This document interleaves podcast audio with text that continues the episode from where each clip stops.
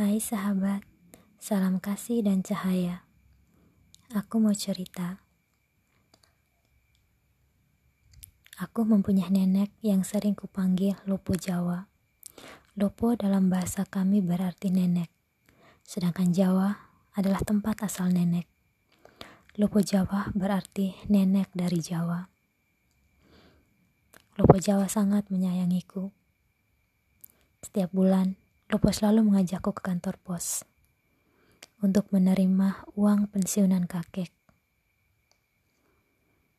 Aku senang setiap menemani Lopo karena sehabis terima pensiun, Lopo selalu membelikanku jajan dan juga mainan. Kami pergi dan pulang berjalan kaki.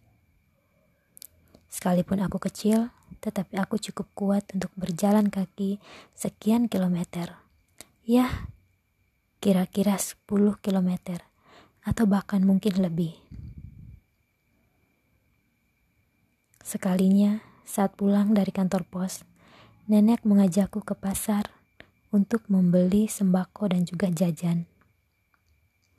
Setibanya di pasar, aku melihat ada sebuah baju yang digantung. Baju itu sangat bagus Aku ingat, baju itu berwarna merah dan putih. Seperti warna bendera negara Indonesia. Dan aku meminta kepada Lopo untuk dibelikan baju itu. Lopo menolak. Dia hanya mengizinkan untuk membeli kue atau jajan. Aku menangis, bahkan sampai berguling-guling di tanah. Pokoknya aku mau baju itu. Yah, memalukan sekali kelakuanku saat itu.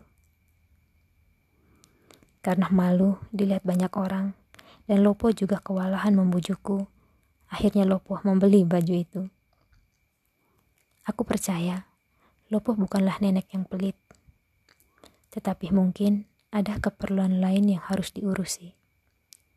Hanya aku belum terlalu mengerti saat itu. Aku hanya ingin dibelikan baju itu. Titik. Tidak memakai komah lagi.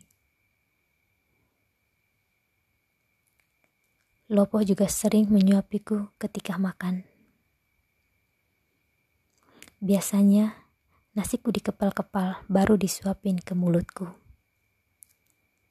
Dan Lopo suka mendudukanku di atas peti di mana orang tuaku sering menyimpan hasil panen. Mungkin supaya aku lebih mudah disuapi. Karena kalau di lantai, aku bisa saja berlarian ke sana kemari. Oh iya, bisa dibilang Lopo itu pilih kasih. Kalau aku meminta uang jajan, aku diberi seribu, adikku kadang hanya seratus rupiah. Sering sekali seperti itu. Aku tidak tahu kenapa. Setelah aku pindah ke kota yang sangat jauh, aku tidak pernah lagi bertemu Lopo sampai ku dengar kabar kalau Lopo sudah meninggal. Kala itu, komunikasi masih melalui surat. Telepon masih sangat jarang, apalagi handphone. Tapi aku bersyukur pernah memiliki Lopo dalam hidupku. Oh ya, aku ingat Lopo sangat suka memakai kebaya dan kain jarik. Ciri khas perempuan Jawa.